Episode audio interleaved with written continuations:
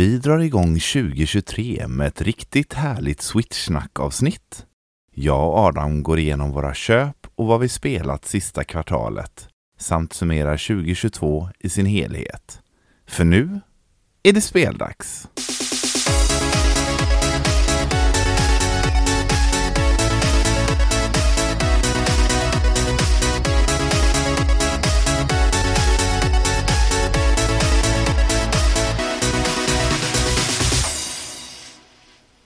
Hej och välkomna till årets första avsnitt av Speldags eh, 2023. Och eh, den här premiären bjuder på ett härligt Switch-snack avsnitt med Adam. Välkommen eh, återigen tillbaka till Speldags, Adam. Tack så mycket Andreas, det är kul att eh, vara tillbaka igen. Och eh, det har varit ett ja, händelserikt 2022 för Speldags och eh, om man inte har lyssnat på nyårsspecialen tycker jag man bör göra det för det var sammanfatta året bra tyckte jag. Ja, tack. Det var, det var ett väldigt roligt eh, avsnitt att göra och eh, det var mycket, blev mycket större än vad jag någonsin hade kunnat tänka mig och tro. Så att, eh, ja, jag är väldigt nöjd med det. Du var ju också med där ganska tidigt till och med. Ja, det tackar jag ödmjukt för och eh, nu sätter du ändå lite förväntningar för 2023 här när du gjorde så bra 2022. Ja, precis. Ribban är, ribban är satt. ja, exakt. ja. Nej, men det, det har ju varit ett speciellt år för mig med detta och eh, som jag sa lite här innan vi tryckte på inspelningsknappen så du har ju varit med liksom redan från början. Du var ju en av de få som fick lyssna innan någonting blev officiellt och vi bestämde ju redan innan första avsnittet släpptes att vi skulle göra den här Switch-snack-serien. Eh, så att för mig så är ju du liksom en given del av speldags liksom. Så att eh, ja, det känns eh, väldigt kul och helt rimligt att inleda 2023 med, med ett avsnitt med dig.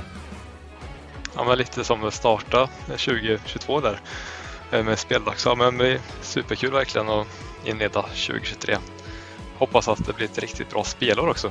Mm, det får vi verkligen hoppas.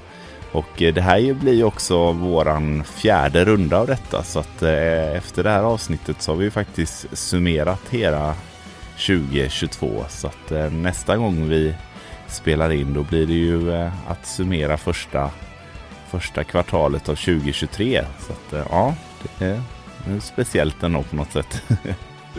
ja men exakt och det känns ändå som att eh, 2023 börjar rätt starkt. Vi har ju Engage som släpptes eh, idag, eller vad var det? Nej, det, på fredag släpps det. På fredag, ja, in, review ja. som kom idag. Ja, precis. Jag har inte kollat dem så att spoila inget. Nej, inga spoilers, men jag såg lite gameplay och det verkar bra om det är det jag kan säga. Ja, ja jag har ju sett de, de trailersarna som har släppts så jag är väldigt peppad men eh, vi är ju lite lika där. När det är något spel vi är peppade på så brukar vi inte vilja kolla för mycket på trailers för man vill liksom komma in i det fräsch så att säga. Ja men exakt och eh, du vet ju redan vad du tycker om Fire Emblem. Jag tror inte du behöver se över och bli övertygad om att köpa Engage direkt. Nej precis, exakt. Så att, eh, nej, det är verkligen en star stark start. Men eh, vi vet ju inte sådär jättemycket mer om eh, 2023. Det kommer väl något spel senare i vår här som, eh, som du kanske är lite pepp på. Men eh, ja, det är någonting det. ja, någonting. Precis. Men eh, innan vi blickar framåt så eh, kan vi snacka lite om eh, hösten och ja, summera året kanske lite. Vad, har du några direkta liksom, jag tycker att det var lite klen höst framförallt från Nintendo själva. Det har kommit en del spel och många bra spel men Nintendo själva har ju kanske inte levererat så starkt den här hösten. Eller vad tycker du? Eh, nej men jag håller med dig där och eh, jag hade nog förväntat mig att de kanske skulle droppa typ något lite större spel. Eh, inte vet jag, typ Odyssey 2, en annan Mario-uppföljare av något slag typ. Ja. Eh, ja men lite större spel, alltså nu... De har ju släppt lite Cineblade 3 och Bayonetta 3 till exempel men det är inget som jag känner är wow för min del i alla fall. Eh, så hösten var lite ja, lite tunn var hösten eh, från Nintendo. Sen skulle jag väl säga överlag 2022. Alltså det var inte ett, ett år jag minns eh, från switchen skulle jag säga. Om man jämför med till exempel 2017 eller när... Med Mario Odyssey och... Ja, jag vet. Ja. ja men exakt. Nej, jag håller med och det, det, alltså, det finns ju jättemånga som tycker att både Bayonetta och Xenoblade eh, är liksom årets spel och så vidare. Men, men det är ju inga systemsäljare på det sättet. Nu tror jag att bägge har sålt ganska bra och sådär men, men man förväntade sig kanske något, något mer eh, mainstream-spel eller hur man ska uttrycka det. Eh, och det enda som vi fick där det var ju från Ubisoft med det nya Mario Rabbids-spelet eh, då. Ehm, och även det är ju ett ganska nischat spel då inom Mario-franchisen. Så att eh, det, det, känns ju, vi har spekulerat kring detta hela 2022, men det känns ju som att det enda rimliga här är ju att Nintendo laddar för något större då. Eh, som kanske sker under 2023, jag vet inte. Men ehm, lite antiklimax eh, den här hösten får jag ändå säga. Ja, men exakt. Och som du säger där så känns det ju lite som att Nintendo laddar inför någonting. Eh, jag tycker det är rätt uppenbart, typ som Pokémon Scarlet and Violet där, att prestandan håller ju inte. Eh, dålig prestanda, de ligger långt efter de andra. Sen är det ju är Nintendo en liten, e- kör sitt egna lilla race här. Mm. eh, så de tävlar kanske inte mot eh, Playstation 5 och Xbox Series X. Men Nej det känns ändå som att de behöver steppa upp lite för att hålla fart i den här succén som eh, Switch har dragit med Nintendo på. Och mm. Eh, ja, det ryktas ju väldigt mycket om att Tears of the Kingdom som släpps i maj nu är det kanske sista stora spelet som släpps till Switch och sen kommer det komma en Switch 2 eller en uppgraderad variant. Så. Ja, precis. Så det är väldigt spännande att se och det känns som att det lutar lite åt det. Annars kanske man hade man försökt trycka ut kanske någon Mario-titel, Odyssey 2 eller Ja, det, det, det vore ju bara mm. det enda rimliga att det fanns sådana spel på lager. Alltså jag menar hur svårt skulle det kunna vara för Nintendo att göra ett New Super Mario Bros-spel och släppa i höstas till exempel. Det kan ju inte ta så lång tid och det vet de ju att det säljer ju flera miljoner garanterat liksom. Så att eh, ja, men de, de är ju som du var inne på, de är ju unika Nintendo där med sitt sitt tänk. Ibland är det väldigt eh, förutsägbart och ibland är det inte alls. Så att ehm, man vet aldrig riktigt hur, hur de tänker. Men eh, jag håller ju med här lite grann även om jag aldrig har varit så mycket. Det spelar inte så stor roll för mig med hårdvara och så men nu om de vill nå fler människor än bara entusiaster, alltså framförallt yngre, så måste man nog steppa upp lite för eh, idag kan du spela liknande spel på din iPad eller, eller någon annan sån här tablett då liksom eh, som du kan spela på Switch. Så att de behöver ju liksom komma med nästa, nästa version. Och sen är det ju också i, i, i teknikbranschen så är det ju ständigt en jakt på nästa stora grej och nästa pryl. Och man vill nästan uppgradera sig och köpa ny telefon varannat år och så vidare. Så att folk folk längtar ju lite efter att få konsumera liksom. Så att eh, det känns nog som att de borde verkligen göra något i år. Annars så finns det risk att de missar liksom sin eh, öppning här liksom. Ja, exakt. Ja, jag håller med där du säger och eh, alltså jag ja, men, tänker ju tillbaka till deras senaste succé innan Switch, vilket var Wii. Och mm. efter den vet vi alla hur det gick med ja, Wii. U där och eh, jag hoppas inte de gör om samma misstag där utan eh, det blir Switch U nu då nästa. ja, exakt. Nej, men det ska bli spännande att se hur de ska liksom vidareutveckla den här switchen. Eh, mm. Ja, det känns ju som det enda rimliga att det blir en, en direkt uppföljare liksom. Eh, min spekulation i det här det är ju att Switch 2 då eller nästa Switch kommer bli mer ja, men som att uppgradera sin iPhone, alltså att det fortfarande är en Switch. Du kan spela alla gamla Switch-spel på den, men eh, det kanske till och med kommer vara under en period att man kan spela de nya spelen på den gamla Switchen, bara att de jobbar på olika sätt eller sådär. Eh, ett sätt att göra det, det är ju om man lägger mer kräm i själva eh, dockan så att spelen kopplar upp mot dockningsstationen i stationärt läge och när den är handhållen så, så, så eh, ja, är den lite mer begränsad. Det skulle göra att spelen fungerar både på den nya och den gamla då. Så eh, det är inte omöjligt att det är någon sån teknik som används. Nej, det ska bli intressant att se hur de har tänkt kring Switch 2 i alla fall. De lär ju ha mm. kommit långt in i eh, programmeringen och utvecklandet av den nya Switch 2 då, kan man ju tycka. Så ja, det ska bli spännande att se om de droppar in kanske med Tears of the Kingdom. Precis. Man vet aldrig. Nej, exakt och det, det har ju ändå varit lite tradition att släppa den nya hårdvaran med ett Zelda-spel så, att, eh, så att det vore ju inte alls omöjligt. Då är frågan, kommer du köpa Switch 2 direkt eller kommer du avvakta? Ja, det är, det är en bra fråga. Eh, idag skulle jag nog säga att jag kanske inte kommer köpa den direkt, men jag kommer nog göra det. jag menar, äh, grejen är väl också att alltså, det är ju väldigt häftigt att köpa en konsol på releasedagen. Det är inte, jag har bara gjort det en enda gång och det är med Wii, Nintendo Wii då. Eh, 2006 så att eh, det hade varit kul att få, få göra det och stå i kö och allt det här liksom. Eh, så att nej, det, ja, ja, jag hade nog gjort det. Om det inte är något sån här vansinnigt eh, dyrt, eh, så, vilket jag inte tror. Liksom. De kommer ju inte ändra sin, sin USP helt och hållet. Liksom. Så att, eh, nej, jag, jag tar tillbaka det. Jo, jag kommer köpa den på release. ja, det är bra. Ja, du med antar jag. Ja, alltså, eh, så här, frågar man mig spontant nu så här bara, nej jag kommer nog inte göra det och sådär. Men sen när, man, när jag inser att eh, ja, om vi tar det exemplet att Tears of the Kingdom kanske flyter på mycket bättre mm. på den nya switchen om det skulle nu vara så att de släpps samtidigt. Ja, men då kommer man nog inte tveka. Nej. Köpa en.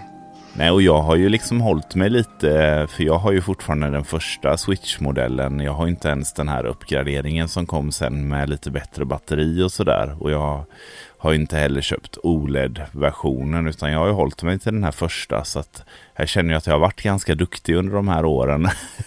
Ja. så att då kan jag liksom unna mig den här tvåan när den väl kommer tänker jag. ja, eh, jag har ju känt lite samma också att jag har också den första switchen men OLED ser himla trevlig ut måste jag säga. Men mm. jag spelar ju mest i dockad. Mm. Eh, när jag spelar hemma i soffan där så jag använder inte supermycket odockat då och kör bärbart gör jag inte så att jag kände att det var inte värt att uppgradera liksom. Nej. Men tror du att du hade kört mer bärbart om du hade haft en OLED? För det, det jag har ju spelat när jag väl hade en Switch i början och så, eller när den var nyinköpt, då spelade jag en del dockat faktiskt. Men det funkar ju typ inte utomhus med den modellen som, som vi har. Mm. Eh, så att jag, jag, tror nog att jag hade använt det lite mer, typ tagit med kanske på jobb eller lite mer sådana grejer om, det, om jag hade haft en bättre. Men, eh, men jag har ju resonerat precis som du att i och med att jag inte spelar så mycket handhållet så har jag inte behövt någon bättre liksom. Eh, jag hade nog kunnat spela lite mer handhållet om jag haft en OLED skulle jag tro men eh, kanske marginellt för oftast kör jag rätt mycket spel som är rätt precisionskrävande, att man hoppar runt Metroidvania som du vet och sånt där. Ja. Så eh, alltså det blir lite så att jag, när jag spelar bärbart är det oftast att jag känner mig begränsad. För jag tycker det är mm. svårare mm. att styra och sådär. Uh, jag spelar väl för svåra spel helt enkelt. Men uh, ett spel som funkar väldigt bra till exempel var ju Fire Emblem Free Houses till exempel. Det passar väldigt bra bärbart. Säga det. Mm. Ja. Ja, det spelade jag jättemycket bärbart. Andra rundan, första rundan satt jag ju klistrad framför tvn. Men eh, när jag drog igång det andra gången, då hade jag liksom med det lite på jobb och sådär och spelade lite på rast och när jag hade någon paus och sådär. Och det, det funkar ju superbra för där är det ju korta rundor. Det är liksom, det är inte det här precision som du pratar om och sådär. Men eh, jag håller med, vissa spel är lite svårare att sitta och liksom spela lite sådär halvlojt liksom. Det, det funkar inte riktigt. Ja men exakt, typ RPG och eh, typ Breath of the Wild och sånt där man kanske vill utforska känner jag att eh, ja, men det blir lite mindre känsla av det tycker jag när man sitter och kikar på en liten, liten miniskärm. Om man jämför med min 65-tums mm. liksom så blir det, då vet jag vad jag mm. väljer om jag ändå är hemma och, och speciellt när man bor själv då och ingen annan använder tvn så ser jag ingen anledning till att sitta och köra på lilla skärmen. Det är ju Nej. typ som du sa, det Fire Emblem och kanske man kan till och med multitaska lite på någonting i bakgrunden på tvn och sånt där. Just det. Ja, nej, hade jag inte haft möjlighet att ha game room då som jag har hemma eh, och vi hade samsats av tvn, då hade jag ju garanterat spelat mer handhållet. Så att, eh, så att jag, jag har ju samma, lever ju på samma sätt så sätt som du då, att jag har fri access till spel-tvn här liksom. Så eh, mm. det är ju en viss känsla också att spela på en stor tv-skärm liksom med bra ljud jämfört med att sitta på en lite mindre skärm. Så det är väl vissa spel som lämpar sig bättre för det än andra. Ja, men exakt.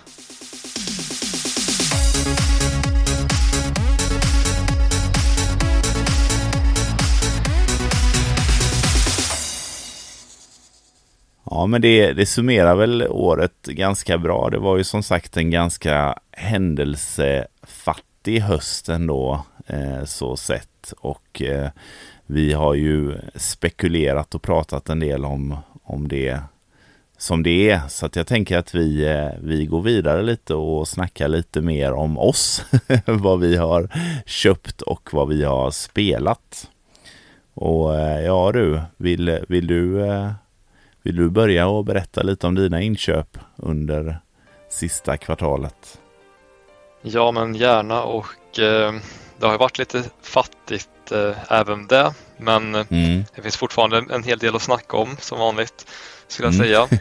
Eh, det dyker alltid bruk... upp fler än vad man tror, tycker ja, jag. Ja, men exakt, exakt. Det dyker alltid upp fler när man väl börjar lista upp vad man har spelat och köpt. Så. Ja. Men eh, jag brukar ju gå loss på Black Friday och det har jag gjort en hel del i år också. Men det blev mycket mm. PS5-spel och så. För, ja, det kan jag tänka mig. Det är ju det är lite bättre rea där. Ja, lite mer utreat. Nintendo brukar ju inte rea ut så mycket men det var något kap där jag fick. Ja. Eh, men först eh, innan Black Friday där så fick jag hem några spel från Limited Run.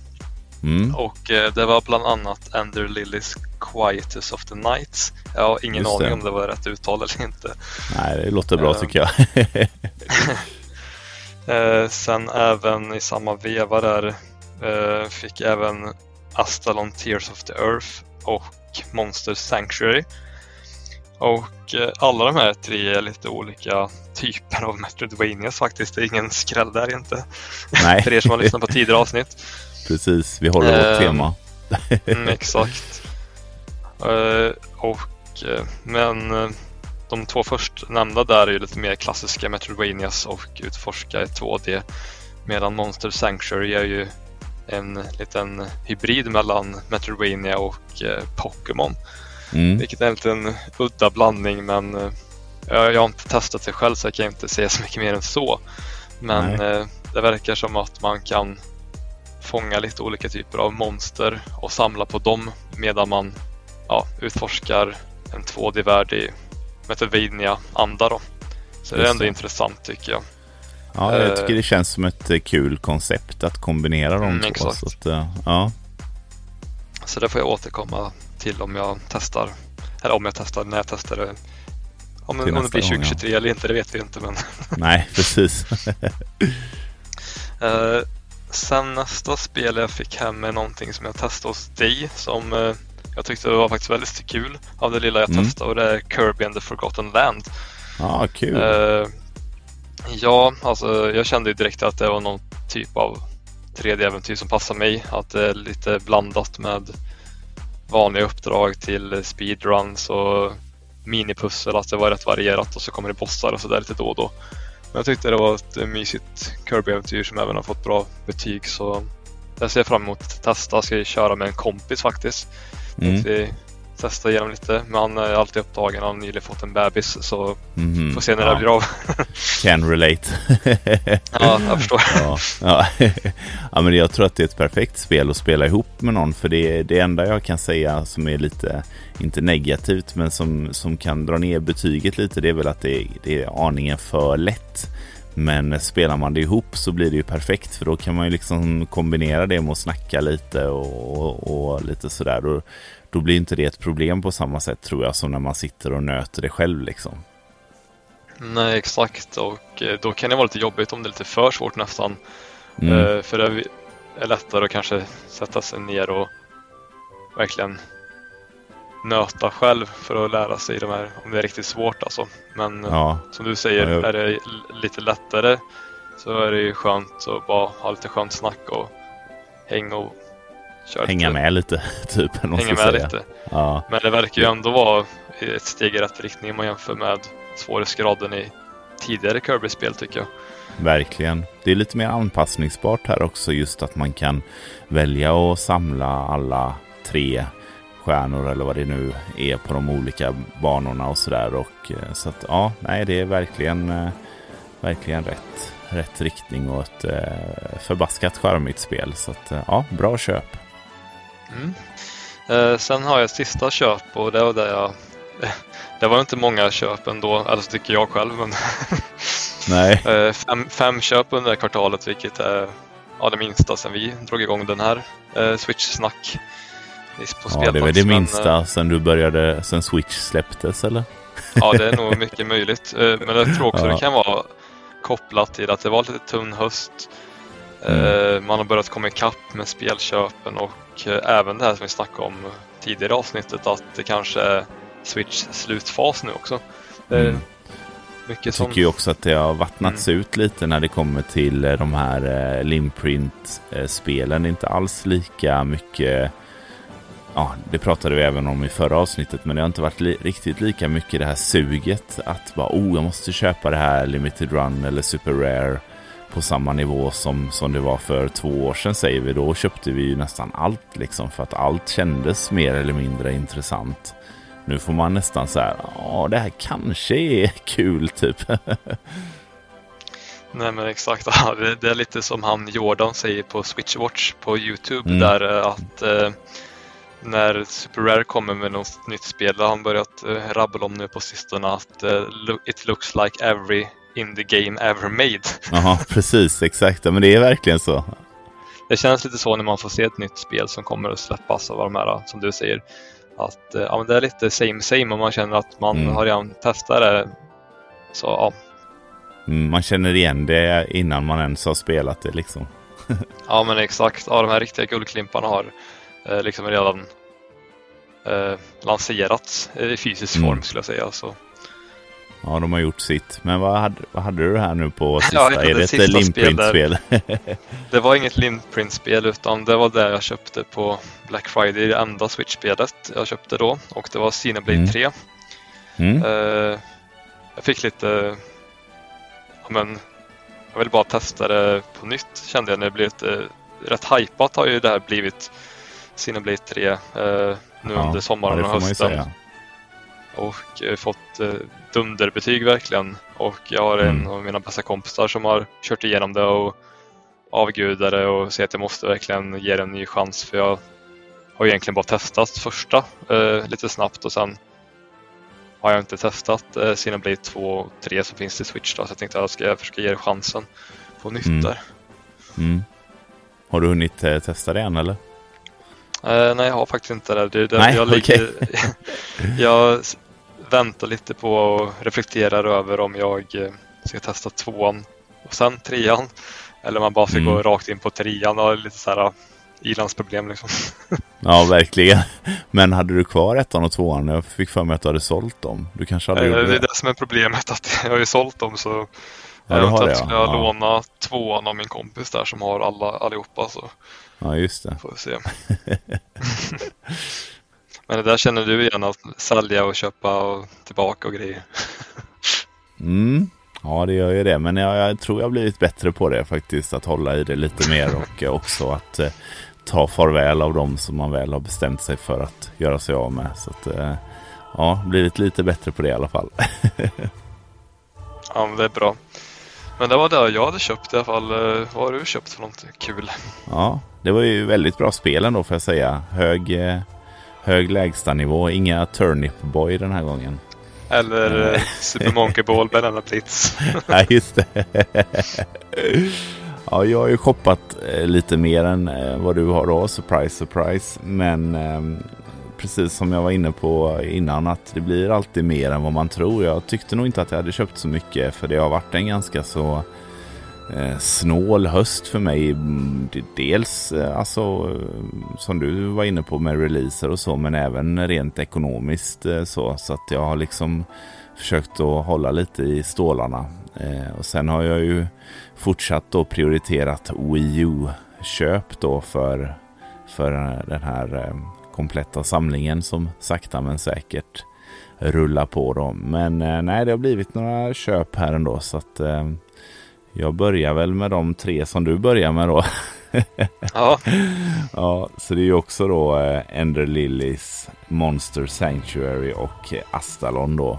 Eh, och eh, alla tre är ju tyvärr fortfarande inplastade men alla tre, precis som du själv sa, är ju Metroidvanias med lite olika nisch då. Så att ja, de kändes ju ändå ganska givna att ha i samlingen. Sen eh, har jag ju ett spel som jag faktiskt hade köpt när vi spelade in förra gången men som jag glömde nämna och eh, det är Murder by Numbers från eh, PlayAsia eller East Asia Soft som ska vara ett riktigt grymt ja, pussel slash detektivspel. Lite Phoenix Wright-stuket sådär.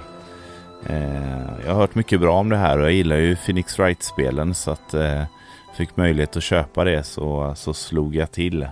Jag fick det dessutom för en ganska bra peng så att, så att jag, ja, men det, det har jag inte kört än heller men jag har det i alla fall. Nej okej, ja men det verkar ändå vara ett intressant. Är det något du känner till eller? Ja exakt, det är ett intressant spel. Jag har ju sett en hel del. Mm. Jag har inte sett så mycket gameplay, har jag inte, så det ska bli spännande att se vad du tycker om det. Det har gått lite under radarn tror jag. Alltså East Asia Soft har ju nästan eh, nischat sig på eh, visual novels och eh, shoot em ups eh, det senaste känns det som. Det är antingen eller som släpps. Det är antingen någon sån här bullet hell eh, jättejapanskt eh, shoot em up eller ja, visual novel då. Så att det här gick nog lite under radarn tror jag när det släpptes. Men eh, jag tycker det ser intressant ut och Phoenix Wright-spelen är ju jättebra så att eh, jag tror att det är typ det är någon del av Phoenix Wright teamet som har jobbat med det här också men jag kommer inte ihåg riktigt hur det hängde ihop. Nej, jag har faktiskt ingen koll på det.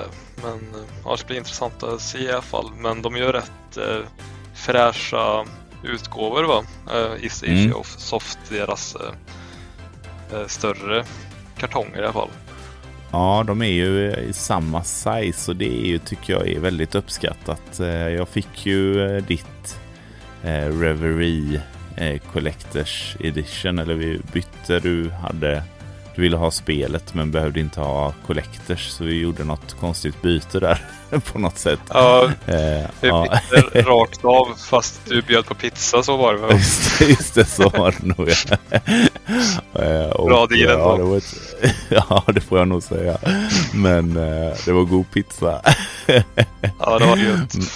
Ja, nej men och, och de är väldigt snygga. Jag tycker att det är, det är ju nice. Alltså det är kul med när det är lite olika storlekar på boxen. Men det är också snyggt när det är enhetligt. Så att, um, nej, de är, de är snygga och håller hög kvalitet de här uh, Collectors uh, utgåvorna. Så att, uh, ja, nej, det känns som ett roligt tillskott ändå i samlingen. Ja, kul. Men ja, men jag, jag shoppade också lite på mellandagsrean faktiskt. ganska många spel. och det ena spelet är samma som du. Det är Xenoblade Chronicles 3. Eh, som eh, var väldigt billigt faktiskt. Var det 299 det kostade? Jag ja just det. det. Ja, jag ja. körde på samma deal där. Det var ju riktigt bra. Ja, helt otroligt. Eh, sen passade jag faktiskt på att köpa Digimon Survive. Det senaste mm. Digimon-spelet. Jag har hört jättemycket bra om det så att eh, jag kände att det var också nedsatt typ till något liknande pris. Så att jag tänkte att jag får slå till här och eh, det är ju Bandai Namco som, som eh, distribuerar och släpper dem och eh, de kan ju ibland försvinna lite deras spel så att eh, jag tänkte att det är lika bra att passa på. Och det ska ju vara, det är ju ja, en, den största Pokémon-klonen får man väl säga eller Pokémon-liknande spelet som inte är Pokémon.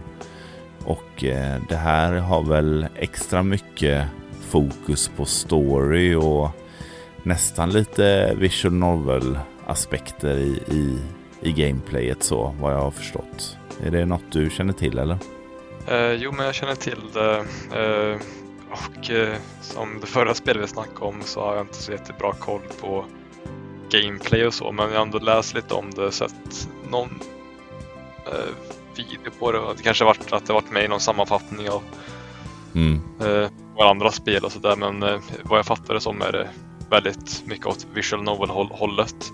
Mm. Eh, men eh, Ja, och vi är ju inga jättestora ja, fan nej, av det, men, nej, men jag känner ändå att jag skulle vilja gilla det. Jag har ju försökt att, att spela några av de här, men, men just bristen på gameplay har ju gjort att jag har liksom inte ja, jag har tröttnat helt enkelt. Så att, att det är kombinerat då med gameplay känns ju ändå positivt. Så att ja, jag får, får se när det väl ja, ska exakt. öppnas. Eh, som alla andra genrer tycker jag, även om man inte är så super favoritgenre så brukar det finnas i alla fall några som sticker ut och undantag. Typ. Det finns ju undantags visual novels också. Det kan ju vara absolut ett av dem. Så. Mm, exakt, precis. Så att, ja. Phoenix Wright är ju egentligen också ett kombinerat visual novel och det har jag ju ja, alltid, de har jag alltid gillat liksom. Så att, mm. Sen köpte jag återigen då på Black Friday-veckan här, eller Black Week eller vad de nu vill kalla det. Eh, ett spel som jag tror du gillar. eh, jag minns inte om, om det var du som... Ja, det är i alla fall Near Automata. Säger man så? Near Automata? Ja, ja det är något som man inte vet hur man uttalar i alla fall. Nej, det är, ni vet vad jag menar i alla fall. Eh, och det har ju fått otroligt bra kritik eh, när det släpptes på Playstation 3, eller? Ja, nej, första spelet, Nier, släpptes på PS3 och 360 tror jag. Mm. Eh, sen släpptes eh, det här spelet till ja, förra generationen. ja. ja. exakt. Bra sätt att undvika. ja, verkligen. ja, Okej, okay, så detta är ett PS4-spel då från början? Visste jag. Ja, men exakt. Ja. Hade du spelat det eller? Uh, jag har spelat det, men jag tror inte det var jag som rekommenderade för jag hatade spelet. Nej, men inte hatar okay. nej, nej, men uh, jag, jag, tycker att uh, jag, jag, förstår ändå grejen. Jag spelar ändå typ fem timmar av det, men jag kände att jag tröttnade lite på det. Det är ju lite mer hack and slash mm. hållet och gillar man den genren skulle jag säga att det är nog ett av de mest intressanta hack and slash-spel jag har testat i alla fall. Sen blev jag ja. lite uttråkad. Jag blev uttråkad av till exempel Astral Chain och sånt där också som är hack and slash-liknande spel. Eh, mm. Men jag kan ändå förstå charmen av det. Eh, mm. Så jag är nog inte rätt person att uttrycka mig just kring den här typen av spel men jag gillar ändå storyn. Den är så här skit mystisk och sådär. Det är väl ändå ganska stor variation. Alltså, ja. jag, jag har hört att helt plötsligt så är, är det liksom plattformsbanor eller shoot em up-banor och alltså att de slänger in lite olika grejer i mixen så att säga. Ja, exakt. Och sen finns det typ tre olika slut för att nå det slutgiltiga slutet och så vidare. Mm. Uh, så det är ett väldigt speciellt spel. Uh, mm. Så man bör ju absolut ge det chansen. Sen mm. tappar de mig någonstans längs vägen men det betyder inte ja, att det är ett dåligt spel. Nej, nej, precis. Alla har vi våra preferenser. Jag gillade ju Astral Chain men har lite svårare för Bayonetta då till exempel. Så det, det, det, mm. det, är jätte, det, är, det är så himla olika vad som gör att man fastnar för något eller inte fastnar för något. Så att, eh, ja, det är ju det som är. Det finns ju så mycket. Det är så subjektivt liksom med, med vad som gör ett spel bra. Men ja, eh, jag har fått det rekommenderat i alla fall av, av många. Inte av dig då uppenbarligen. Men... ja, ibland kan det vara dagshumör också. Att, eh, mm. Ett spel passar en beroende på humör. Så är det lite samma sak med serie, typ om man kollar på en tv-serie. Ibland passar det bara inte just nu liksom, om man säger. Nej, nej, precis så är det verkligen. Ja. Nej, men eh, fortsätter lite här på, på betar av listan. Jag har två spel till från den här Black Friday eh, shoppingen då. Så det blev en, en ganska så riklig shopping för mig. Eh, och då är det Neo The World Ends With You. Eh, ytterligare ett eh, Square Enix-spel och det är också ett spel som jag har hört mycket bra om och eh, jag gillade ju det första, ja, The World Ends With You då på DS när det väl begav sig. Så att, eh, jag tyckte det var häftigt att den här uppföljaren kom men jag har inte tyckt att eh, jag har inte tyckt att det varit så värt att jag velat betala fullpris då. Men eh, det här var också nedsänkt jättemycket om det var 199 eller något sånt där. Och då kände jag att jag kan inte inte köpa det liksom. Nej men det var ju toppenpris det. Mm. Och sen eh, sista spelet här som är lite av en, eh, en chansning. För det här var ett spel som både du och jag var väldigt sugna på när det väl eh, lanserades eller när de visade upp det. Men som sen fick ganska mycket kritik för att det inte var ja, flöt inte på så bra helt enkelt. Och det är ju Baldo, The Guardian Owls. Mm. Ja just det, det såg ju riktigt ja. bra ut i första anblick där. Precis, det hade ju starka, vi bägge två var väl inne i ett ganska bra Nino Kuni flow då tror jag. Eh, och det hade ju väldigt starka Nino Kuni-vibbar. Eh, Eh, så jag vet när de lanserade det här eller visade upp det första gången så var vi ju superexalterade. Men eh, tyvärr då så, så var det väl ganska så ofullständigt vid lansering om jag inte minns fel. Så att det fick ganska mycket kritik för att det liksom flöt på dåligt och så. Ja, det största problemet vet jag. Vi har någon kompis som köpte det till Switch. Eh, var väl ungefär lika hypad som oss två och laddade ner det mm. liksom i release. Och mm. det var ju sån här game breaking bug så att eh, Alltså sparfilen förstördes typ mitt i spelet och sånt där så att det Just var ju det. helt opolitligt. Och det är väl det värsta ja. typ av fel ett spel kan ha, kan ska ja, jag säga. det kan man ju lugnt säga. Men eh, som jag har hört nu då så har det, de utvecklarna har jobbat jättemycket med att uppdatera det och sådär. Så att eh, jag tror att det ska flyta på bra nu och eh, de här felen ska vara åtgärdade. Så i och med att jag inte har upplevt då eh, det, den buggiga delen så så kan jag ändå ge det en, en eh, chans. Och eh, nu fick du ju en vanlig fysisk retail-utgåva så då kände jag att ja, men jag, får, jag ger det en chans liksom. För att det, det ser ju otroligt charmigt ut. Det ser ju precis ut som ett sånt JRPG som, som går hem hos mig liksom. Ja, du får vara vår försökskanin och säga oss, eh, till oss vad du tycker sen när du har testat det. Ja, absolut. Förhoppningsvis är det med i nästa, nästa runda. Mm. Men, men nästa spel kom, är jag ju lite chockad att du inte hade köpt och det är ju Pokémon. Det nämnde du ju inte. Nej, det gjorde jag inte. Nej, hade du köpt det eller? Eh, det nya? Ja. eh, nej, det har jag faktiskt inte gjort. Jag har avvaktat lite och det är väl också på grund av det här med prestandan och så och eh, jag är inte ens klar med Ark, just det andra Pokémon som nej. kom förra. Just det. Så det kommer ju inte försvinna direkt så jag känner lite mer det att jag väntar lite på att se, kommer en bra deal då kommer jag haffa båda spelen eventuellt. Mm. Ja, för jag köpte hem eh, Violet och det var just att det dök upp en bra deal på, på Facebook. Eh, det var en kille som sålde det där och han bodde i, eh, i Ljungby där min kompis Dennis bor. Eh, så att han kunde plocka upp det och så slapp jag frakt och så. Så att det, det blev ett ganska bra pris för det. Eh, så att eh, ja, det, det kändes... Det är ju ett sånt spel som jag visste att jag ville ha liksom. Så att... Mm. Mm, så det har jag ju köpt då. jag har tre spel kvar. Tre spel kvar. ja. Eh, och eh, det var också lite en sån här, ehm, eh, de köpte jag nu kring jul här. Jag fick lite så, lite julklappspengar och så har jag inte, tyckte jag inte hade köpt så mycket spel det senaste så då tänkte jag att jag kan unna mig lite här. så då unnade jag mig Crisis Core då, Final Fantasy 7. ja, spelet. Och eh, det här är ju ett spel som jag faktiskt har varit väldigt hypad på och eh, jag spelade ju detta när det begav sig på PSP och tyckte att det var svinbra. Eh, så att eh, jag är faktiskt ganska taggad på att dra igång det här eh, ja, snart. Så, att, eh, så det köpte jag hem. och det, ja, du kanske vill kommentera där? jo men jag har också varit lite på on the fence att köpa Crisis Core. Men eh, lite också så här, det kommer så himla mycket Square Enix-spel.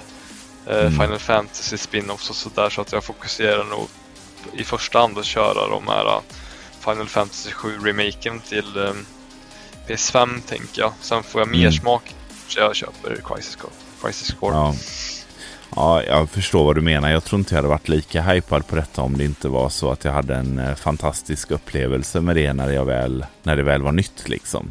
Eh, mm. sen är jag är ju ingen Final Fantasy eh, entusiast på det sättet eller jättestort fan. Jag tycker att det finns många bra spel i serien men jag har ju absolut inte spelat en bråkdel ens av, av det här Eh, Eh, enorma bibliotek som det finns med spin-offs och, och så vidare. Så att, eh, men eh, nej, det, det, är någonting med detta som det kan ju bara vara en sån enkel grej att det är nostalgiska aspekten som, som gör att jag blir så himla peppad på det. Men ja, nu har jag det i alla fall och kan spela det.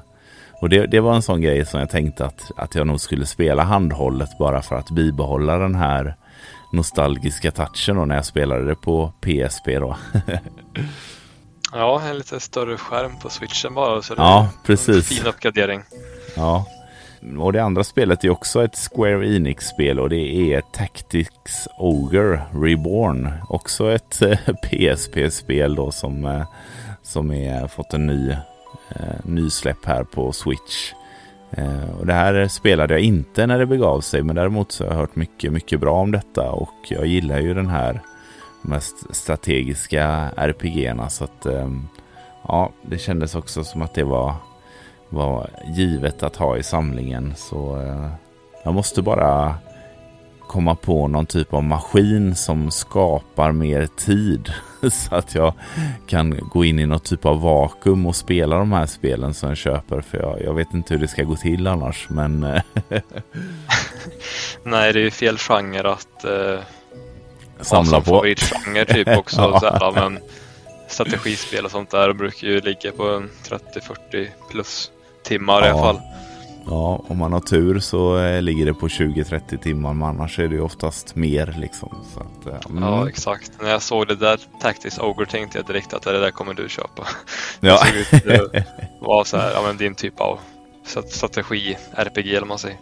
Mm, ja, nej men det, det känns verkligen som något för mig. Så att, eh, nu blir det ju Fire Emblem i första hand eh, här, men efter det så, så kanske jag känner att jag vill ha ännu mer. Och eh, då ligger ju det bra till hands. Sista spelet för dagen är Metal Max Sino Reborn. Är det något du känner till? ja, det var en skön där, men eh, är det typ av plattform eller? Eller Nej, är det helt fel Ja, men jag tror du tänker på, det finns ju något som heter något åt Max-hållet som är ett 2D-plattformsspel.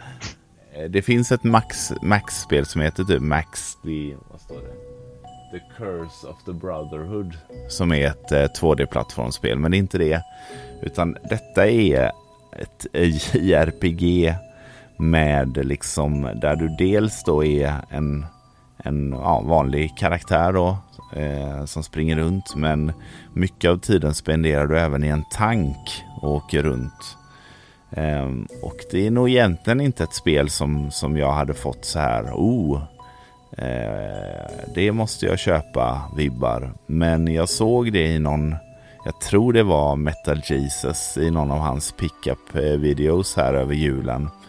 Eh, och kände bara att det här såg väldigt intressant ut. Och Eh, sen har jag kollat lite fler videos och det är många som pratar gott om det här spelet. Så jag kände att ah, jag, jag vill ge det en chans. Det hade någonting som jag kände eh, ja, fick det att suga till lite i min, eh, min eh, köplusta där. Så, att, eh, så det smög sig med hem här också med de andra två spelen.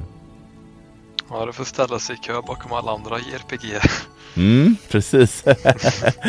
ja, ja, det blev en ganska gedigen lista här. Men eh, det, det är som sagt som... Eh, det kändes inte så mycket innan vi skulle spela in. Men sen när jag började plocka i högarna så insåg jag att okej, okay, jag har nog men det var ju mycket Black Friday där gjorde ju mycket. Där köpte jag ju typ fem spel då. Och sen eh, var de här tre då julklappspengarna. Men skulle man bortsett från de två inköpen så, så var det ju inte så mycket.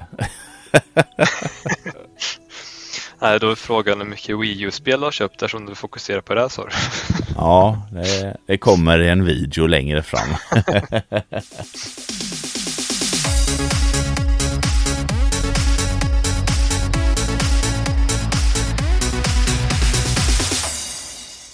Då går vi vidare till eh, ja, den lite mer rimliga delen eller vad man ska säga, vad vi har spelat. För det är ju ändå därför man köper spel för att någon gång spela dem. Och jag gissar på att du har spelat mer än vad jag har trots att jag har shoppat mer än vad du har.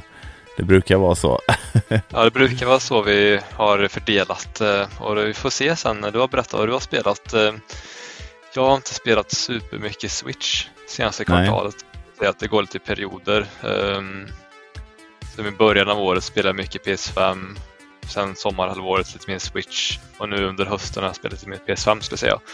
Men nu när jag väl listat upp det så har jag ändå hunnit testa lite olika spel och kört klart några spel. Eller nog bara ett jag har kört klart tror jag. Men vi kör mm. igenom där och ser vad jag har spelat där då. Ja, det blir kul för att vi um, i vanliga fall så har ju vi alltid snackat mycket om det här eller skrivit till varandra mycket om inköp och vad vi spelar och så. Men vi har ju dratt ner på det ganska mycket just för att vi gör de här avsnitten så att eh, man har inte riktigt eh, lika bra koll på varandra längre vad man spelar och köper. Nej, det blir nog en liten surprise här. Eh, mm. Kanske inget surprise-spel jag har spelat, men de är nog rätt Hype upp det. Så. Exakt.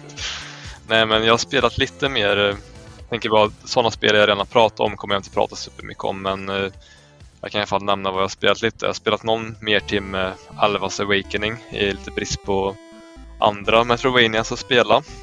Mm. Eh, bara för att testa om jag ville köra vidare eller inte. Och det, nu har jag lagt det på hyllan faktiskt. Eh, jag känner att vi får se om jag ska spela det mer eller inte. Men jag känner bara att eh, det är ett bra spel, men jag vet inte om det är tillräckligt bra för att låta andra spel vänta. Om du fattar Nej. vad jag menar. Ja, jag förstår precis. Eh, sen eh, tredje och sista gången så kommer jag berätta om Eastward. Eh, ja. jag har kört klart faktiskt. Jag har kört 15 timmar till och eh, körde klart där och tog ungefär 20 timmar. Mm. klara ut. Eh, det är lagom eh, när det kommer till ja. ett RPG. Ja, verkligen. Eh, och jag har redan pratat massa gott om det här i tidigare avsnitt om ni vill lyssna på det. Eh, om varför jag tycker det är väldigt bra. Men superbra spel och eh, bra musik. Eh, ett spel som verkligen passar mig. Det är ju RPG lite åt Zelda-hållet då. Och mm. Ehm, ja, jag tyckte efter fem timmar någonstans så kände jag att det verkligen drog igång och höll sig hela vägen fram i mål skulle jag säga. Eh, väldigt ja. bra avslutning och eh, ja, jag ska inte spoila något för er som vill testa det men jag rekommenderar verkligen det. Eh, mm. Så superkul spel verkligen. Ett av ja, de bästa kul. indiespelen eh, skulle jag säga. Jag vet inte vart det slutar ja. men ändå ganska högt skulle jag nog säga. Um, sen testade jag lite mer Finotopia.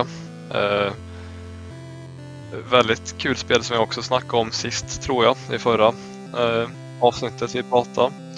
Ja, det var det som var lite likt eh, Zelda 2 va? På något ja, sätt. men exakt. Så jag ja, kört två timmar men bra med där. ja, exakt. Ett bra Zelda 2. Eh, ja. Med lite mer variation och, eh, på både miljö och gameplay skulle jag säga. Eh, bra spel. Jag fastnade på något pussel och jag inte orkar testa igen. Så det kan det bli ibland. Får se om jag plockar upp det. Jag kommer nog göra det någon gång framöver men Ibland blir det bara att man börjar ett break när man fastnar på något riktigt svårt. Mm. Så vi får se. Ja, det, det är lustigt det där. Ibland så kan det nästan hjälpa att man eh, pausar lite och kommer tillbaka. Och så klarar man det som man inte har gjort innan bara för att man har fått liksom, ja, man ser det på ett annat sätt eller sådär liksom. Ja men exakt. Eh, det är rätt vanligt för mig att eh, om det är något riktigt svårt att jag fastnar och känner att det här kommer jag typ aldrig klara. Ger det ett litet, eh, ta ett litet break från det helt enkelt som du sa där. Sen Mm. när man klarar den delen, då kan det vara att det flyter på hela vägen till att man har klarat ut hela spelet faktiskt. Eh, Ja, Fast man kände att eh, det här är kört, typ jag kommer aldrig klara det här spelet. Och så kommer man bara förbi den lilla difficulty spiken och så kör man på. Så är man i mål sen. Ja, Mm. precis. Ja, det är lustigt det där. Eh, Ett annat spel jag har testat lite eh, var ett spel jag köpte förra kvartalet eh, och det är det här Rogue Heroes Ruins of Tassos som är ett litet roguelike eh, liknande spel. Också Zelda, men gud jag har bara spelat Zelda-liknande spel i olika former liksom. Men eh, det spelar jag med en kompis, det är sk- skitbra co-op-spel och man det är typ knappt någon story, man bara köttar igenom sådana här dungeons och eh, bygger upp bättre stats för gubben man har helt enkelt. Och jag tror man ska köra igenom fyra olika tempel innan man har klarat spelet. Vi har klarat två typ eller något sånt där. Men lite lagom co-op-spel skulle jag säga om man ändå gillar Mm. Zelda typ. Kul. Det finns ju mycket på den där marknaden, Zelda-liknande spel och eh, jag skulle väl rekommendera typ eh, Eastward i första hand om man vill ha något Zelda-liknande. Skulle jag nog Mm. säga. Mm. Eh, Ett annat spel som jag har köpt nyligen då, som vi pratade om förut, är det här Astrodon Tears of the Earth. Kört två timmar av. Verkar vara Mm. ett kul Metrovania. Eh, lite så här får känslan av att ja, det är kul, men hur kul är spelet? Är det någonting jag vill fortsätta spela eller inte? Om man ska hårdra det, typ är det 6 av 7 eller av 10? Jag vet inte. Men det finns så himla mycket bra Metrovania-spel till Switch. Så här Det indie-spel. det. Eh, vi har Ori, vi har The Messenger, Hollow Knight, alltså om man ska ta några av de bästa. Och Mm. då tycker jag, och även Bloodstain som vi pratade om i förra avsnittet. Just eh, det. Ja, det finns mycket väldigt bra Metrovania, så det blir de här som man testar som man känner, ja det här är rätt kul. Men Mm. ska man jämföra då kanske man hellre kör något, som, något av dem då. Ja, man har blivit lite bortskämd med det där. För att i vissa spel tror jag liksom att man hade tyckt var helt otroliga om de hade släppts för tio år sedan. Liksom. Ja, men, exakt. eh, men nu, nu så eh, det har ju verkligen pikat med till exempel Metroidvanias de senaste fem sex åren. Så att eh, ja, innan fick man ju nästan leta efter att hitta ett bra Metroidvania. Nu finns det ju för många nästan till och med. Ja, exakt. Det är lite så här, ja men okej, det här är inte Ori, det är inget att ha typ. Nej, Ja, här- precis. Men eh, ja, jag har i alla fall ganska hög ribba där när det kommer till Metrovanias men jag har ju väl spelat väldigt många också. Eh, Mm. och det finns ju sjukt många bra så det blir så här, de som är halvbra ska jag lägga tid på det eller inte? Ja, det, ja i alla fall kanske inte Ja, när man har det är svårmotiverat. Ja, Ja, men exakt svårmotiverat skulle jag säga. Mm. Men eh, eh, alltså har, har man spelat alla Metrovania och vill ha till, då skulle jag väl kunna säga ja men kanske är värt att testa. Ja, Eh, sen har jag kört lite mer Pokémon Legends Arceus som vi pratade om förut att det är också därför jag inte köpte nya Pokémon för jag är mitt inne i det. Spelar där med en kompis. Eh, mm. Vi spelar ju lite så sporadiskt så att vi ibland sätter oss någon kväll eller helg och kör några timmar. Det kommer ganska långt tror jag. Kommer inte ihåg exakt hur det är upplagt men det, man möter ju några större bossliknande Pokémon och vi har väl ja, klarat alla dem eller har en kvar eller något sånt där. Mm. Så. Men ja, kul spel. Eh, fräscht take på Pokémon skulle jag säga. Lite, jag tycker det är extra kul att springa runt i den öppna världen och bara slänga pokébollar liksom och kunna fånga utan att initiera en strid liksom. Det tycker jag nog är Just en det. eh, mecha- mechanics i spelet faktiskt. Mm.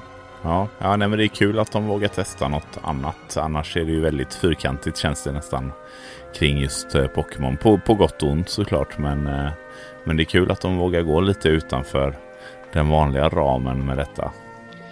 Ja, ja, jag håller med och eh, det nya eh, Scarlet and Violet har jag hört eh, är ett av de bättre Pokémon-spelen. Så nu snack, snackar vi om gameplaymässigt då. För Mm. jag tror de flesta har hört att eh, prestandan inte varit på topp. Men, Nej, jag, men eh, det verkar ju vara verkligen ett kul spel. Sen är det synd att det är dålig prestanda och så. Och eh, Mm. buggar och hackar och dålig framerate. Men eh, jag tror Game Freak jobbar på det att få bättre prestanda och så med patchar och sånt där. Men jag tänker att när vi väl testar det så är det kanske blivit bättre redan tänker jag. Ja men precis.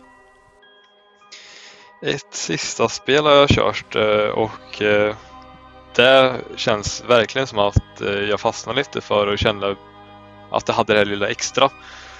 Och det är Andrew Lillys Quietus of the Night. Jag har ingen aning om det heter Quietus eller vad det ens betyder. Ja, det låter bra i alla fall. Det låter bra. Ja. Men det har jag bara kört en, en och en halv timme av och det är också ett Metroidvania. Eh, mm. ibland jag tycker det är svårt att förklara var, varför det är så mycket bättre än till exempel Astalon Tears of the Earth. Mm. Kan jag inte riktigt svara på men det är bara känslan när man spelar. Eh, annan typ av, ett annat gameplay, man levlar upp olika summons man har.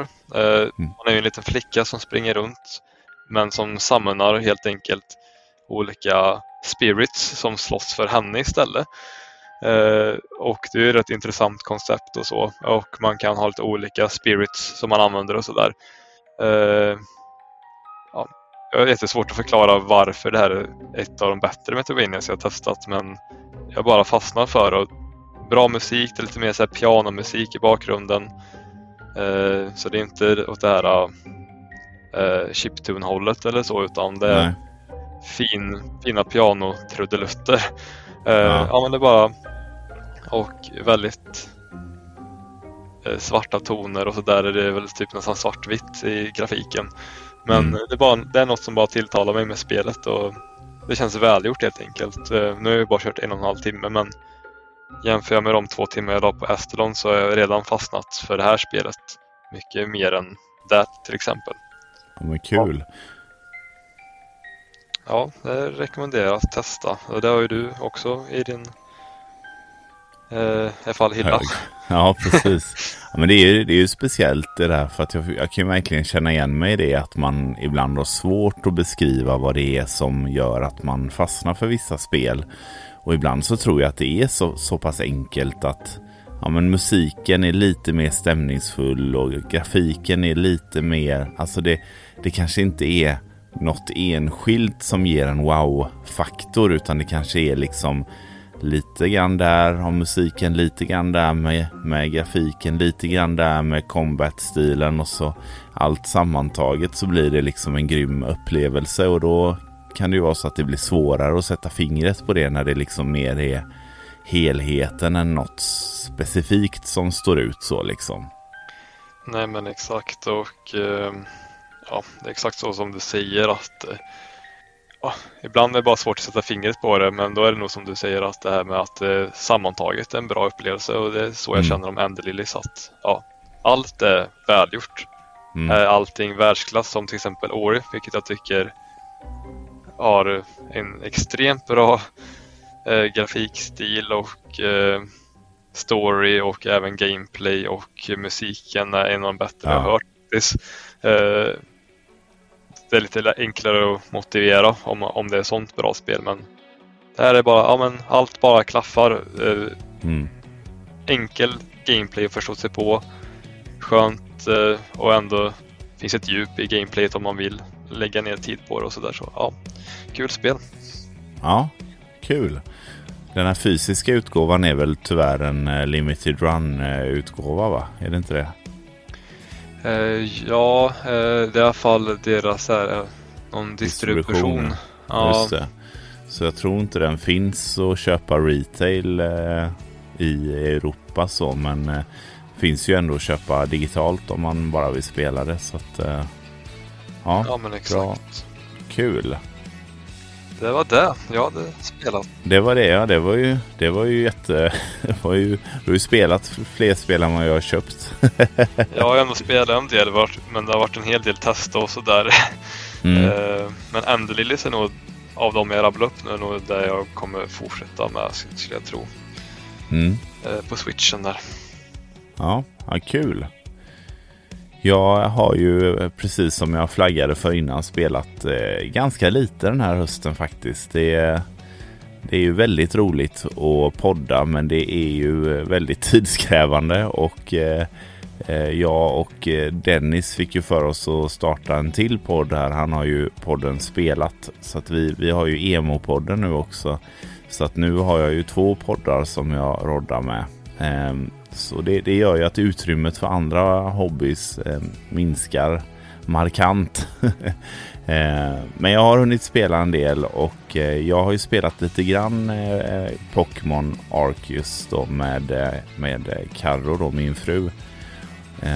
Och vi bestämde väl där någonstans att vi, vi kommer inte fortsätta med det. Det var något som, som inte klickade riktigt för oss med det.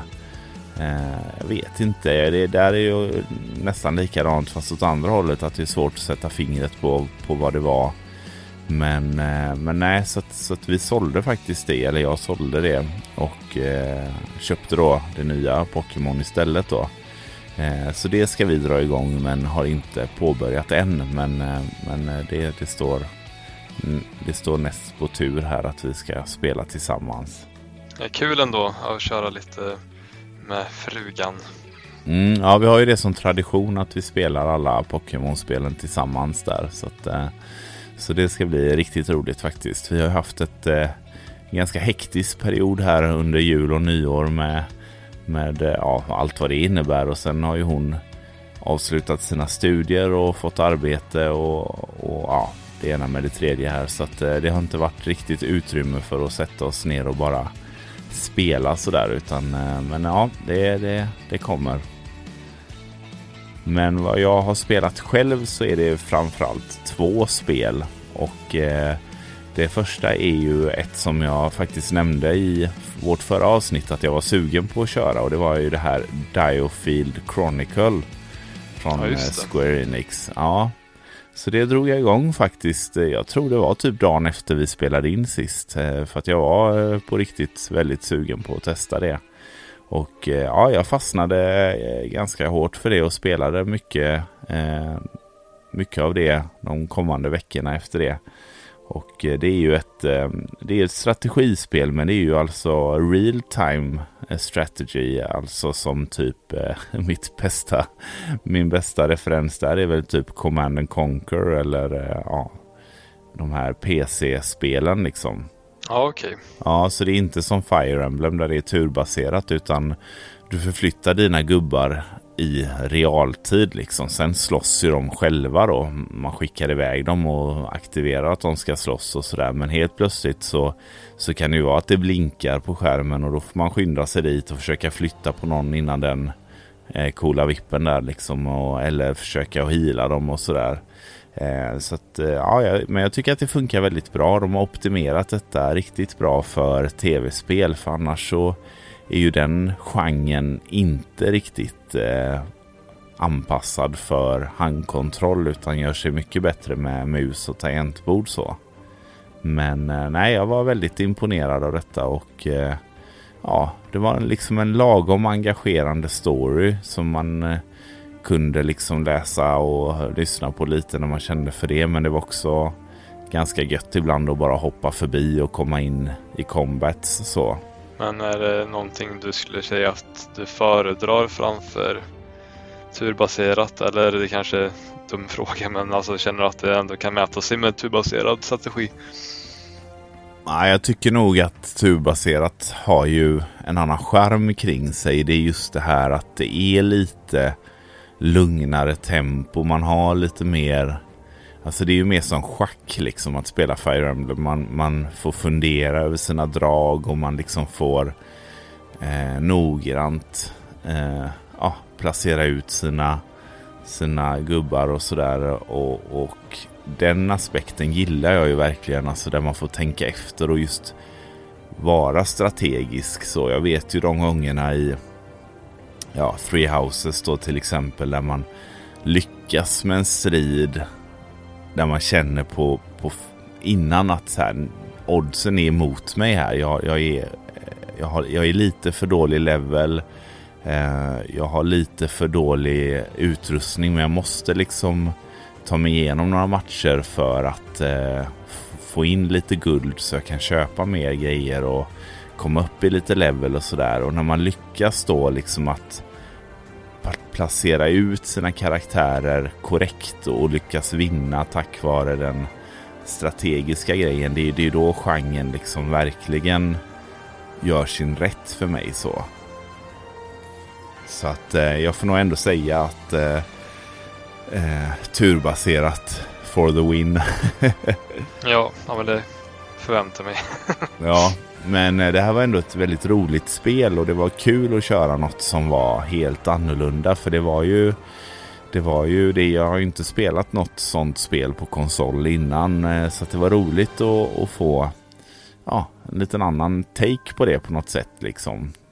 Sen, eh, sen spelade jag inte klart det. Jag kände väl efter tio timmar eller någonting sånt att det, det började bli lite för mycket av samma sådär. Och kände inte riktigt den här det engagemanget eller progressen i storyn som, som annars kan driva ett sånt spel. Så jag har ju lagt det lite på is där då. Men eh, jag tycker verkligen det är ett bra spel. Om det är värt fullpris vet jag inte riktigt. Men, eh, men om man får det för en eh, 200-300 så kan jag absolut rekommendera det. 300, ja absolut. Så att eh, ja, jag tycker det är ett, eh, ett kul eh, tillskott i, i ja, i genren så. Sen har jag ju då spelat ett Metroidvania. surprise, oh. surprise. eh, och det är ju också ett spel som jag nämnde i förra avsnittet, nämligen Fist. Eh, ja, just det. Ja, och eh, wow, vilket spel. Jag, eh, jag blev ganska golvad av det faktiskt. Eh, jag drog igång det lite på en chansning sådär. För att eh, jag köpte ju det fysiskt i, i butik då på Mediamarkt här och eh, kände att ja, det är ju kul att man kan köpa ett spel i en butik. Så det, det drev liksom på min känsla av att jag ville spela det. Eh, så jag drog väl igång det, jag tror i samma veva som jag började tröttna lite på, på det andra där, Diofield Chronicle. Eh, och direkt så blev jag liksom så här, det var skitsnygga cutscenes i början med liksom bra story och bra röstskådespelare. Och, och så jag sögs in i det här direkt då, så att jag har ju spelat det svinmycket då. Eh, så jag börjar väl närma mig slutet på det. Eh, så det har jag faktiskt spelat eh, riktigt mycket. Eh, här under hösten. Eh, och det har varit eh, riktigt, riktigt kul. Så återigen, verkligen ett spel jag kan rekommendera ännu, ännu högre upp än, än det andra. Och det som jag tycker är kul med det här det är ju att det är ett Metroidvania som verkligen är nytt och nytänkande. Det är inte pixelgrafik, det är inte chiptunes, ingenting sånt utan det är... Inget Astalon. Nej, precis. Och det, det, det, var, det var som en frisk fläkt i det här liksom. Där allting ska vara lite retro-doftande. Att få spela någonting med 3D-renderade bakgrunder och snygga eh, också 3D-renderade karaktärer i 2D och, och sådär med liksom eh, roliga eh, replikskiften och stora bossar och sådär. Så att eh, Ja, det, var, det, det, är ett riktigt bra spel med rolig mekanik och eh, eh, det, det upp, man uppgraderar sig på ett speciellt sätt. Jag vill inte spoila någonting men, men, men det gör att det hela tiden blir väldigt, håller sig fräscht liksom. Det, det är ganska standard metroidvania progressioner men fortfarande med en egen liten twist. Så att eh, jag är väldigt imponerad av det här spelet och tycker att eh, alla borde, alla som är lite sugna på på just Metroidvania borde kolla in det här.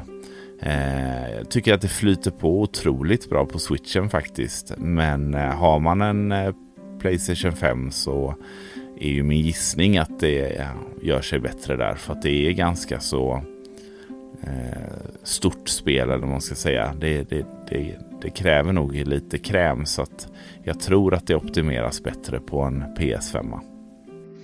Ja men kul att uh, du är så nöjd med det här köpet och spelet. Jag har ju det på min watchlist. Men jag har också tänkt att köpa det till PS5 som du säger där eventuellt för att uh, ja, det ser även ut som ett spel som om man jämför med de här uh, som är lite mer retrodoftande, att det kräver lite mer prestanda och sådär. Sen har de ju ja. nu optimerat till switchen då men vill man få ut lite krispigare grafik och flow så tänker jag att eh, PS5 är rätt väg att gå. Kanske man har båda konsolerna givetvis då. Ja, precis. Och framförallt på din fina tv så tror jag att det blir ja. riktigt äh, läckert. så att eh, nej, så det, det är de två spelen jag har spelat primärt. Sen har jag, jag har testat lite spel under hösten. Jag har ju eh, sålt lite spel och sådär. Men det, det, är inget som jag har lagt på minnet direkt. Så, att, eh, så att det var inget som jag kände att jag ville ta upp så. Men, eh, men jag har testat och småspelat lite annat också. Men de här två är ju de jag primärt har spelat mycket av. Liksom, så att, eh, och varit två olika men väldigt bra upplevelser. Så att, eh, mm.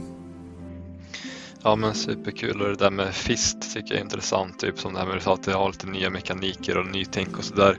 Eh, ja men jämfört med det jag pratade om Astalon där som kanske verkligen kändes som att de har bara gått på safe cards och mm. ja men verkligen bara retat Mer av samma liksom. Mer av samma ja. Så, mm.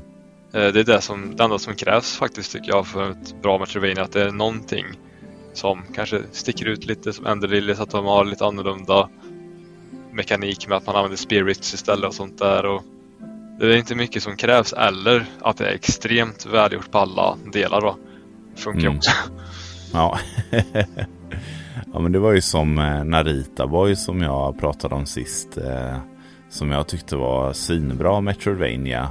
Eh, just för att det var, det var ju väldigt annorlunda. Det var absolut inte det bästa spelet när det kommer till kontroll eller, eller sådär. Eller egentligen eh, i uppgradering eller det, utan det unika med det låg ju i, i stilen och storyn och, och sådär. Så att um, det kan ju vara någonting som gör, om det sticker ut mycket och de gör den delen rätt så kan ju det räcka liksom. Mm, exakt.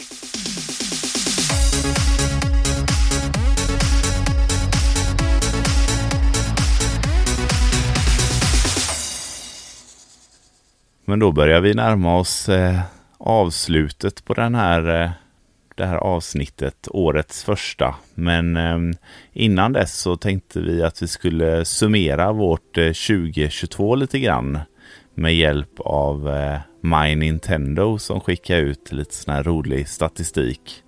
Ja, det blir kul att se vad du har på den listan. Ja, det, det, det vittnar ju om att jag spelade mest i början av året innan podden.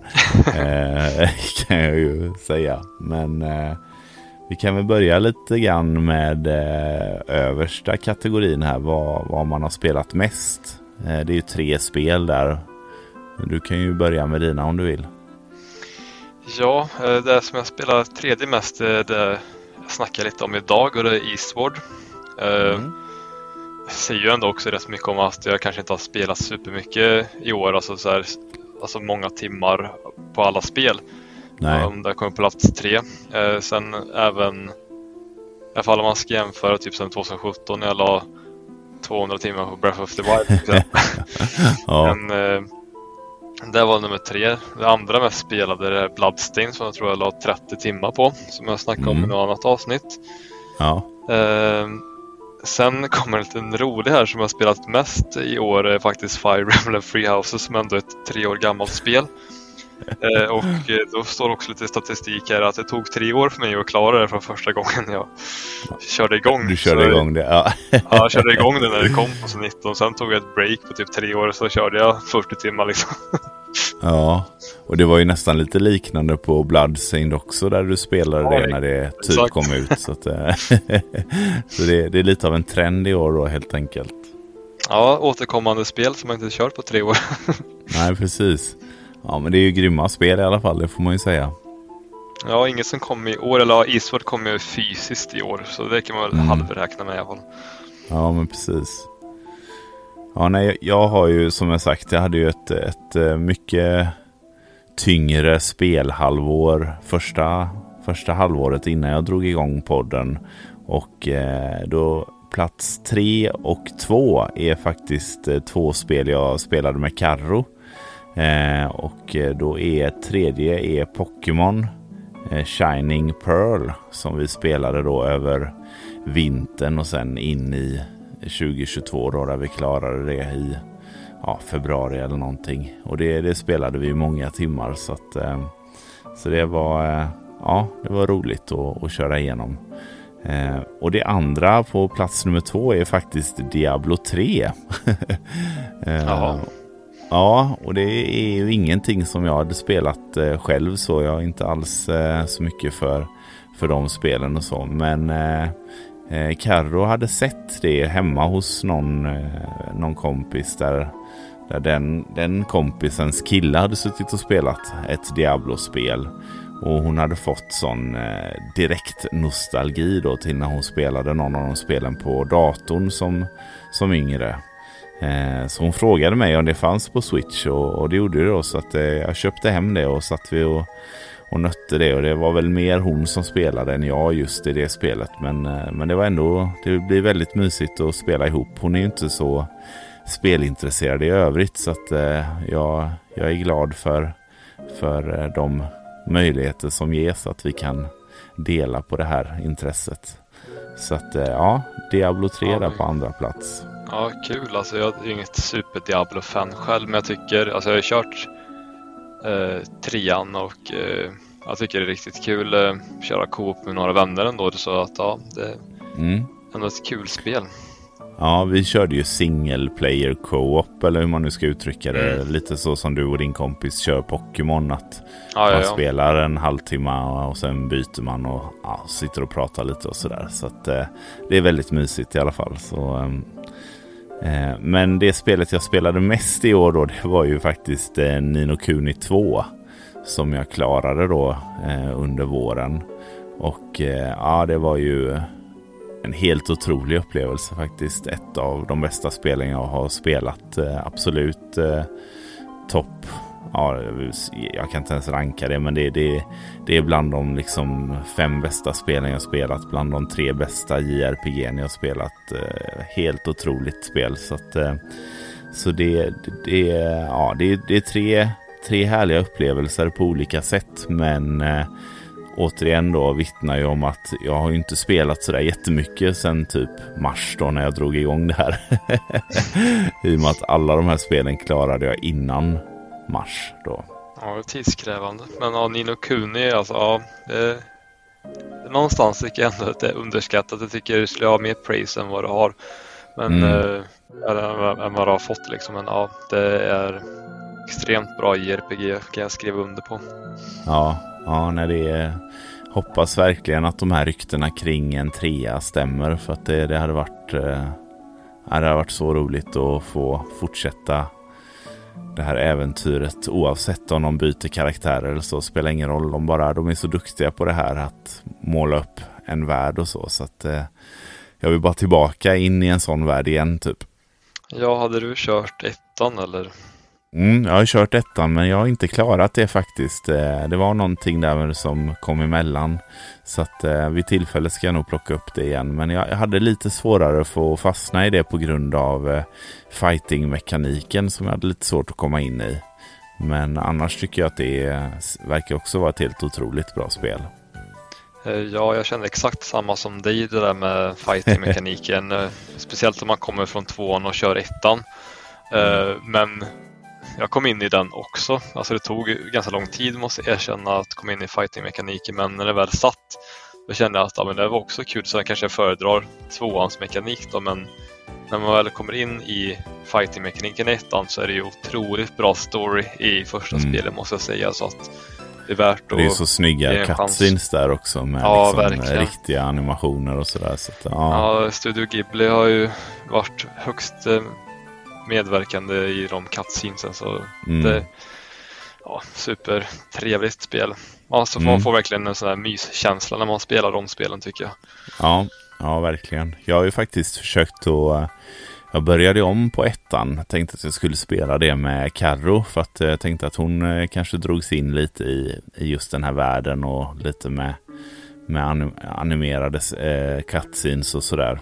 Eh, så att, eh, men eh, jag vet inte om det var att eh, det kom något Pokémon-spel emellan. Så att, ja, får se. Jag är sugen på att spela igenom det i alla fall. Mm.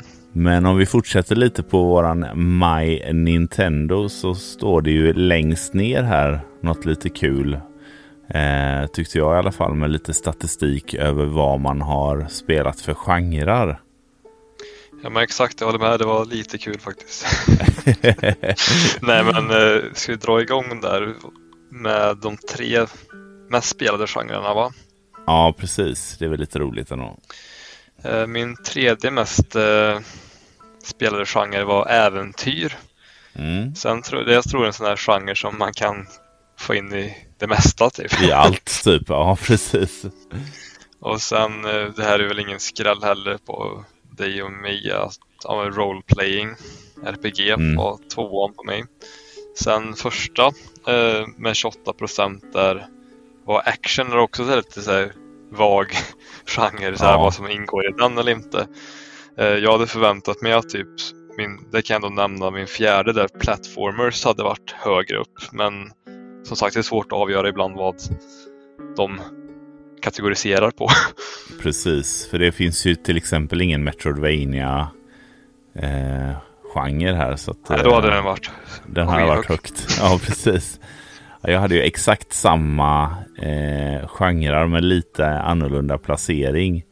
Eh, så jag hade ju action på trean, adventure då på tvåan och sen roleplaying på första plats där. Och det är ju inte så konstigt för jag skulle tippa på att eh, både Diablo, Pokémon och såklart Nino Kuni eh, kategoriseras nog som roleplaying alla tre där. Mm. Ja, men det, är, det är lite kul att scrolla igenom sånt här. Det kommer ju lite sånt i eh, slutet av året. Spotify eh, visar vad man har lyssnat på. Och och eh, nu var ju även poddar med i det, vilka poddar man har lyssnat mest på och sådär. Så att eh, det var ändå några som taggade speldags i det, så det var ju väldigt roligt att se. Ja, superkul ju. Ja. Men jag är lite nyfiken också för att eh, det som inte står med här det är ju kanske det spelet som man känner att man har haft roligast med eller liksom bästa spelet. Eh, och jag avslöjade ju mitt i nyårsavsnittet och eh, ja, det, det, har man inte hört det så kanske man ändå kan gissa att det är Nino Kuni 2 genom att höra min reaktion här alldeles nyss. Eh, det är ju mitt absolut bästa spel i år, även om jag haft många bra spelupplevelser. Men eh, vilket är ditt bästa spel för 2022? Eh, ja, alltså jag har inte kört supermycket Switch-spel som har kommit ut 2022. Eh, har jag inte. Eh, det är en hel del man kör som kommer fysiskt istället så jag skulle säga typ det som jag ändå har kört eh, ja, som jag nog kanske hintat lite om som jag verkligen har tyckt det har varit ett riktigt bra spel och en väldigt trevlig upplevelse är Eastward skulle jag säga. Mm. Eh, och jag räknar in det i 2022 eh, enligt mina regler eftersom det ja. kom fysiskt 2022. Eh, så det är nog mitt eh, Game of the Year för Switch. Men jag, jag vill ändå nämna, även fast det är Switch-snack, att mitt eh, Game of the Year är utan tvekan Elden Ring som jag ändå spenderat 200 timmar på. Eh, mm. Jag misstänkte det. ja, och det var helt magiskt bra och eh, känns lite som ett mer vuxet eh, mer brutalt svårt eh, Breath of the Wild. Eh, ja. Annat med Skyrim kanske. Mm. Dark Souls i öppen värld. Ja, men ja, det var lite dream come true för mig. Eh, på grund av att Dark Souls är en av mina favoritgenrer, eller genrer, spelserier. Så ja, verkligen Game of the Year men eh, eh på Switch-hållet så är Eastward en stark eh, runner-up skulle jag säga. Mm. Ja, vad kul. Ja, Nino Kuni är ju inte ens, det är ju släppt för länge sedan tvåan där och på Switch släpptes det väl förra året så att, eh, så att jag fuskar ju jättemycket där. Men, eh, Total, totalfusk. ja, megafusk. Men eh, ja, det är vad det. Men, men vi brukar ju nämna vad vi har spelat och vad vi har köpt. Så vi kan väl dra det också när vi ändå håller på. Vad skulle du säga är ditt bästa köp då från eh, 2022? Ett Switch och ett eh, ja, totalt bästa om det nu inte skulle vara ditt Switch-spel. Eh, ja men kul. Mitt eh, bästa Switch-köp skulle jag säga eh, är ett spel som jag har sett fram emot att komma fysiskt. Som nu kom fysiskt i år. Och det är en uppföljare till ett av mina favoritspel till Switch eh, som är Axiom Verge. Och Mm, eh, det är Axiom. Verge 2 eh, som jag ändå... Man kanske förväntar sig att det skulle komma fysiskt men jag blev väldigt glad när det annonserades och även släpptes ganska tätt inpå. Eh, och eh, dök ner i brevlådan någon gång under 2022. Jag minns inte när men det var väl första halvåret där någonstans. Ja, det var väl innan sommaren tror jag typ. Ja men exakt, innan sommaren Ja. någonstans. Det är nog det roligaste spelköpet. Jag har inte köpt någon eh, större, roligare Collector's Edition eller något annat spel. Så det är nog det som jag tyckte var roligast. Sen tyckte jag även det var kul att Eastward kom eh, fysiskt. Men jag kan ju inte nämna det på två gånger så tänkte jag. Ta något annat. Eh, annars eh, har jag ett annat spel som kanske är det roligaste och eh, jag avslöjade det förut att jag älskar ju From Software-spel och Dark Souls. Det Mm. enda spelet som jag faktiskt inte hade eh, i, från dem var Sekiro Shadows Die Twice som är till Playstation 4. Och fastän det kom för bara 3-4 år sedan har det varit omöjligt att få tag i eh, fysiskt för det tog slut och sen Alltså på retail då och sen eh, har det sålts för extrema överpriser upp mot 1000 kronor. Det tycker jag inte är värt att köpa för ett Playstation 4-spel som nyss kom ut liksom. Men sen Nej. fick jag tag i ett eh, för typ 350 kronor eh, i bra skick. Så det är nog det jag är mest nöjd med under 2022. Alltså rent spelköp då. Det är ingen Mm, ja, kul. wow-köp men ändå så här något som betyder någonting för mig. Så därför är det nog det roligaste köpet för min Ja. del. Ja, men det var väl eh, jättebra val. Ja. Ja, Du har ju släppt en Youtube-video där med massa roliga köp så är det, är det något av dem som är ditt favoritköp kanske? ja det får det nog vara. ja, precis. Jag gjorde ju en, eh, en YouTube-video med mina topp 10 köp från eh, 2022 som eh, ja, summerar mitt år lite när det kommer till vad jag har shoppat. Och eh, det är ju inte bara spel där utan det är lite andra prylar också som, eh, som hänger ihop med speldags eller vad man ska säga. Eh, men eh, ja, eh, jag spoilar lite här då. Men när det kommer till Switch så är det ju min fantastiska eh, Ori Collectors Edition som eh, trillade in i januari här. Jag köpte ju detta under sommaren 2021 då. Men eh, ett halvår, lite mer än ett halvår senare så landade det på min trappa. Och eh, det är ju en otroligt eh, snygg Collectors Edition och eh, två magiska spel. Så att eh, det, det, det är ju årets spelköp utan tvekan faktiskt. Eh, Men eh, när det kommer till liksom årets eh, köp överlag så har jag ju lyckats få tag i en, en Super Nintendo Demo-station eller vad man ska kalla det. Som eh, fanns i butiker då på 90-talet för att promota Super Nintendo. Och eh, ja, det, det är ju lite en holy grail med den typen av prylar. Jag har ju en gammal Nintendo-skylt här också i, i mitt game room som även den tillhör en av mina mest värdefulla saker här inne. I alla fall när det kommer till affektionssverige. Jag tycker ju sånt är så häftigt. Så att, så att den toppar ju årets lista, eh, totalen där. Så eh, det har varit ett bra år, får man väl ändå säga. Eh, även om Switch-året kunde varit bättre. Ja men exakt, eh, superkul och eh, jag kollar ju den videon och rekommenderar er som inte har sett den att kika på den. Det superkul. Topp 10 där och roliga inköp och lite blandat med vanliga Switch-spel och det där demo Stationen där. Alltså när jag såg den tänkte jag att det var nära att boka tågbiljett till Göteborg alltså. ja. ja, du är alltid välkommen vet du. Så att det... ja, nej, den är häftig faktiskt. Det är en liten ljusskylt och sådär. Så att, eh, det, det blev tajt att få in den här men jag lyckades ändå, lyckades ändå få, få in den i rummet utan att det känns för belamrat. Så att, eh, ja. Men nu, nu går det inte in mycket mer här, det kan jag ju säga. Nej, exakt. Alltså det brukar ju vara så här att ja, man, man kanske planerar en nytt tillskott till familjen och så att man vill leta efter större. Men för din del blir det att du måste ha större hus för större game room liksom. Mm, ja, det, det, börjar ju, det börjar ju bli så. Annars får jag ju liksom börja fundera på om jag ska avyttra saker och sådär och det är jag inte jättesugen på. Så att, eh, vi får väl se. Vi får väl se vad 2023 eh, leder till när det kommer till det. Nytt hus kanske blir årets köp. ja, just det. Men eh, med det sagt så eh, tror jag att vi eh, avrundar det här avsnittet.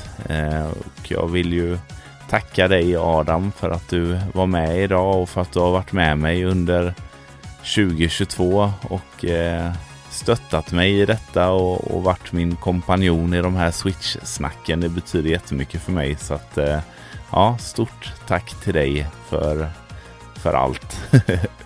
Ja, tack själv och dina ord värmer verkligen. Det har varit kul att följa din resa och varit med och stötta från början. Och jag har ju trott från, på dig från start så det, det blir skitkul att se vart speldags tar sig 2023. Så det blir mm. kul att se dina kommande projekt också. Ja, ja, jag har många planer men eh, får jag bara några av dem i, i land så tror jag att det kan bli ett häftigt år helt enkelt. Så, ja, superspännande. Ja fortsättning följer. mm. Ja, men eh, som sagt, tack för idag och eh, ha det gott helt enkelt. Tack för idag, ha det gott.